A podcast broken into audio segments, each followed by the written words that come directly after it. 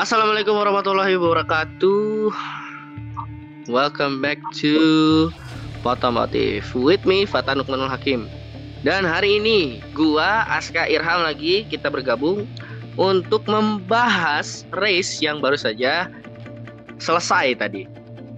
Yaitu Austrian GP 2020 round 1 round pembukaan dan race-nya ini cukup bukan cukup sangat sangat interesting. Bukan begitu brother?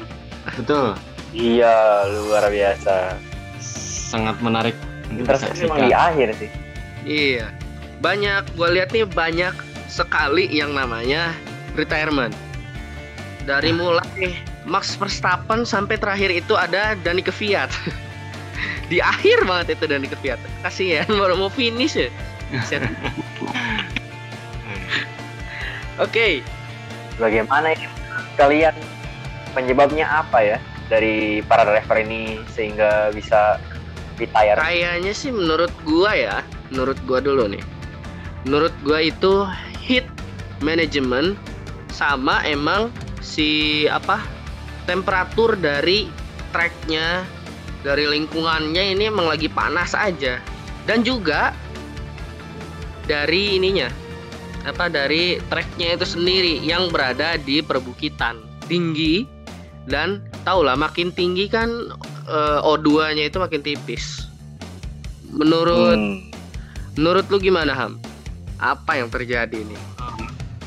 Kalau menurut gue ini faktor curb ini.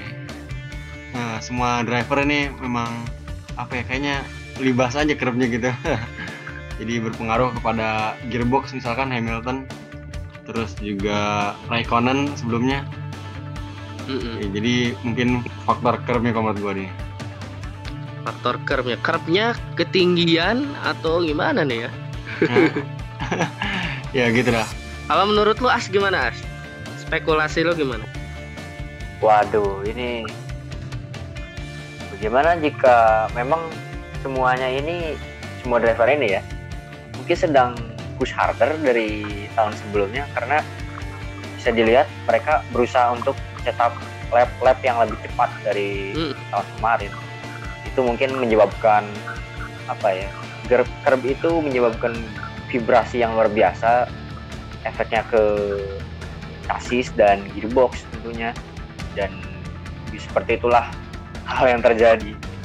Siapa ya yang kita pertama itu Iya, Verstappen ya kalau kita itu dari awal ya. Padahal startnya lumayan bagus. Bener gak? Startnya itu lumayan bagus dan ke sini ke sininya iya gearbox failure. Kita lihat gearbox failure ini udah dari eh, free practice ya. Free practice itu F3 ada Valtteri Bottas yang kena tapi langsung dibenerin. Terus di Formula 2, Eh, Formula 2 ini juga ada yang kena yaitu pembalap kita balap balap kita tercinta abang kita Sean Gelel kena dari FP FP3 katanya FP2 malah. FP2 itu udah ada elektrikal katanya elektrikal elektrikal terus jadinya ke hidrolik. Hidroliknya berimbas kepada eh, gearbox gak bisa dipindahin akhirnya. Dan Parah. kita juga melihat ada move yang outstanding. ilegal lagi ilegal. On purpose yaitu dari Lewis Hamilton ke Alex Albon. Lagi-lagi ya. Kalau menurut lu ini gimana? On purpose atau emang nggak sengaja? Dari lu dulu Ham.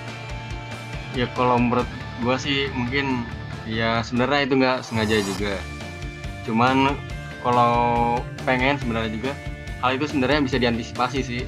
Mungkin Hamiltonnya mungkin harusnya lebih ngerem atau Albonnya karena si Alexander Albon ini kan udah ada di racing lainnya gitu selama ini. iya. Harusnya dia itu sabar aja sedikit. Nggak usah di lagi. Nanti eh, mobilnya itu sendiri akan nge-squeeze Hamilton itu keras ya. Akhir di eh, kalau menurut lu As gimana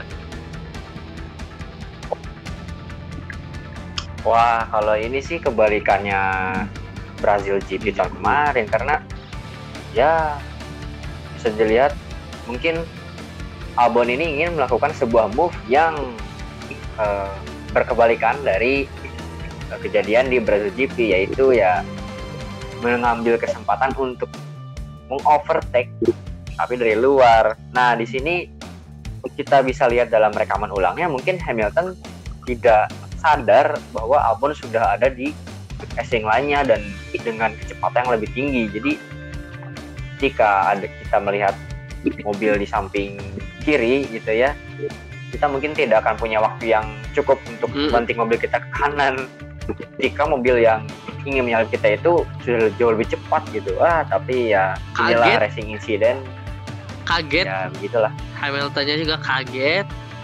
Albonnya nggak sabar ya seperti itulah. Dan kita melihat juga ada Sebastian Vettel yang spin lagi-lagi spin. gimana ini? Kalau menurut lu Ham gimana ini? Vettel ini udah ngebet banget ngebet banget pengen nyusul atau gimana? Ya, jadi sebenarnya itu kalau dilihat memang ada peluangnya, cuman Vettelnya aja nggak sabaran ya, jadi walk up terus nyenggol ya. Sian. Itu kalau Sainz juga bakal gantiin depan depan, Vettelnya juga bakal digantiin. Nah, Iya. Ini juga ada sedikit apa ya bumbu-bumbu yang menarik nih. Jadi kontroversial soalnya Sainz sama eh, Vettel yang kita tahu tahun depan itu akan saling bertukar posisi. Bukan bertukar posisi juga karena Vettel ini belum pasti ya ada di Formula One tahun 2021 gitu. Kalau menurut lu As gimana ini? Vettel ini gimana? Move-nya itu berlebihan atau seperti apa? Waduh. Ya lagi-lagi karena faktor ambisius dia melihat ada room di sebelah kanan yang menurut dia itu sangat wide karena McLaren yang tadi itu sudah disalip oleh Leclerc. Dan mungkin dalam asumsi Vettel eh, Sainz ini sedang melamban begitu ya. Ketika Vettel ingin masuk ke ruangan itu dan Sainz tiba-tiba menutup pintunya. Ini kejadiannya mirip seperti apa ya?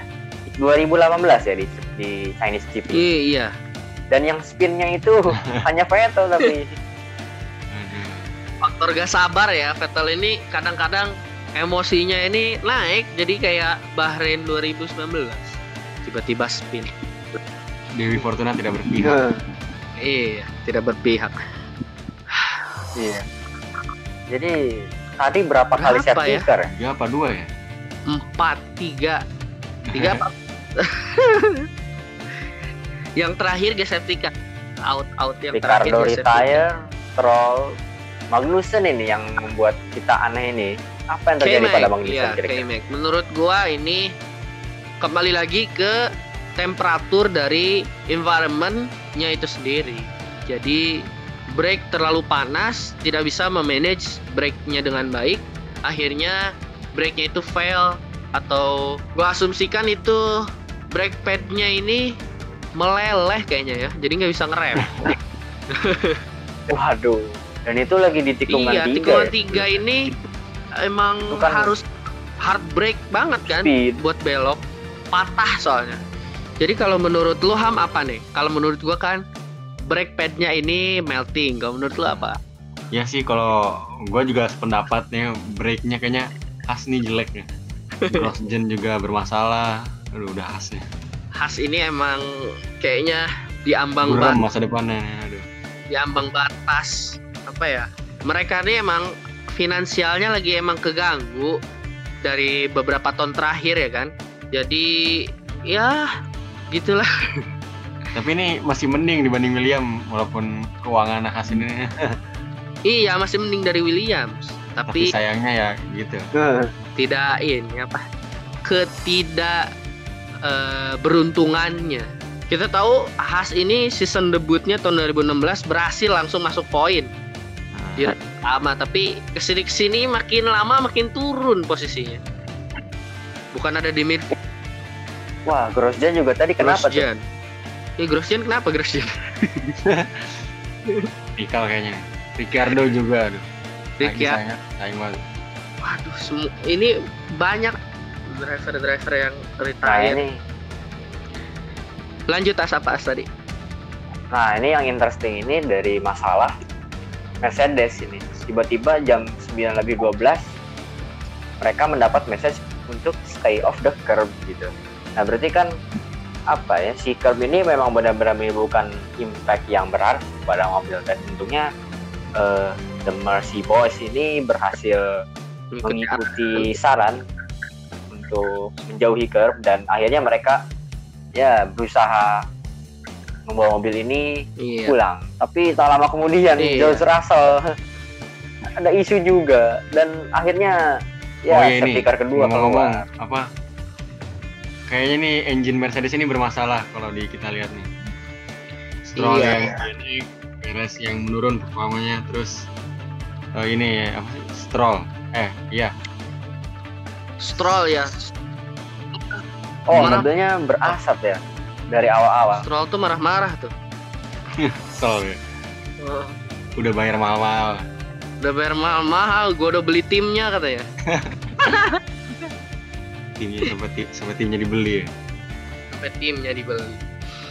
Tapi iya Mercedes ini kayaknya punya masalah di eh, sensor-sensornya ya. Kelihatan nggak nggak apa reliability-nya ini patut dipertanyakan. Dan juga untuk mesin Honda yang kita lihat barusan itu Oh iya. gearboxnya atau hydro akhir. uh, hidroliknya hidroliknya yang bermasalah Waduh. Albon ini double sakit sih sebenarnya sudah dibully iya dan retire. akhirnya ya retire.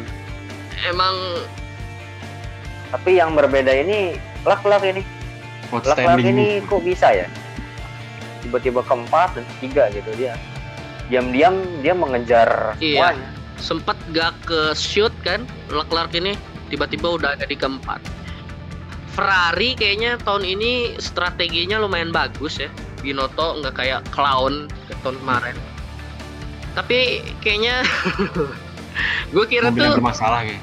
Heeh. Eh, waktu awal-awal di apa di FP itu gua kira nih ah Ferrari sandbagging lagi nih. Q Q1 Q2 langsung ada di atas. Eh ternyata emang ada isu bener-bener gitu. Sampai Sebastian Vettel nggak out ke Q3 ya sangat disayangkan Ferrari. Untungnya Charles Leclerc bisa backup ya. Walaupun Sebastian Nah, Vettel sekali. Eh, kurang bagus laknya Makan. Hmm. aduh. Dan Apa? satu lagi yang gila ini Sainz. Yang duel Ulangnya- dengan Perez. Dan akhirnya Ulangnya- Perez kena penalti. Ya jadi selain Sainz kita juga ada punya Lando Oh, ya Selamat yang berhasil podium ya. Dan ternyata memang Lando ini dia push di akhir. Jadi tiba-tiba dia mencetak kasus lap di sana. Padahal gapnya sebelumnya 5 detik gitu. Tapi ya berhasil lah itu anak Ah, anak baru tahun Iya yang kita tahu eh, dari zaman zamannya masih di Formula 2 Lando Norris, Alex Albon sama George Russell ini emang battle terus ya. Tapi disayangkan waktu di Formula One-nya George Russell itu masuk tim yang ada di papan bawah lah kita bisa bilang. Walaupun timnya bekas juara tahun 80 90-an. Dan nasib yang lebih baik ada di Lando Norris berhasil masuk ke McLaren. Tapi lebih baik lagi ini ada di paling bagus lucknya ini ada sebenarnya di Alex Albon. Alex Albon ini pertama masuk ke Toro Rosso atau sekarang namanya Alfa Tauri. Terus dia di apa? Promosi ya kalau nggak salah ya. Gasly turun. Gasly turun karena performanya kurang bagus dilihat oleh Christian Horner. Jadi dia masuk Red Bull dan bisa keep up pace sama Lewis Hamilton itu suatu pencapaian loh. Lewis Hamilton ini pembalapnya agresif, nggak peduli apa eh, halangannya. Lihat dia waktu start ini eh, P5 kan startnya. Dia mah bodoh amat, langsung aja push, langsung ada kedua. Beres kata dia.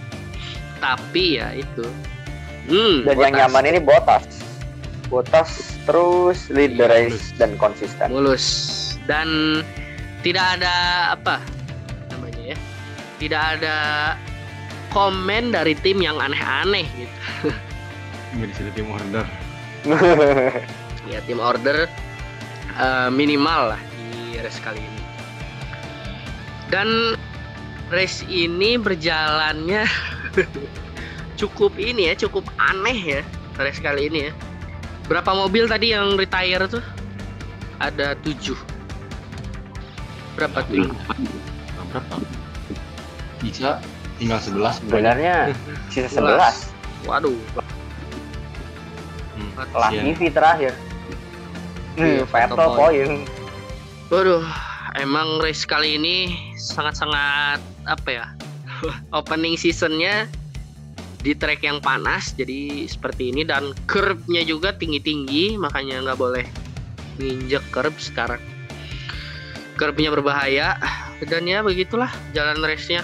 Selamat Hmm. untuk Valtteri Bottas, selamat juga untuk Charles Leclerc dan terakhir very very congratulations to our boys Lando Norris. Ya begitu aja episode kali ini. Terima kasih Aska Irham. Kita akan bertemu lagi di race reaction selanjutnya yang akan dihelat di sirkuit yang sama karena double header. Luar biasa. Makasih bro, udah nemenin gua di sini. Makasih Ham, siap makasih As. Siap, Oke siap. guys, jangan lupa di favorit kalau kalian dengar di Anchor, jangan lupa di follow kalau kalian dengar di Spotify dan jangan lupa juga untuk di subscribe kalau kalian dengarnya di Google Podcast. Saya Fathan Manul Hakim, ada Irham dan ada Aska. Kita berjumpa lagi Yo yo. di episode Resurrection selanjutnya. Terima kasih yang udah ngedengerin. Wassalam.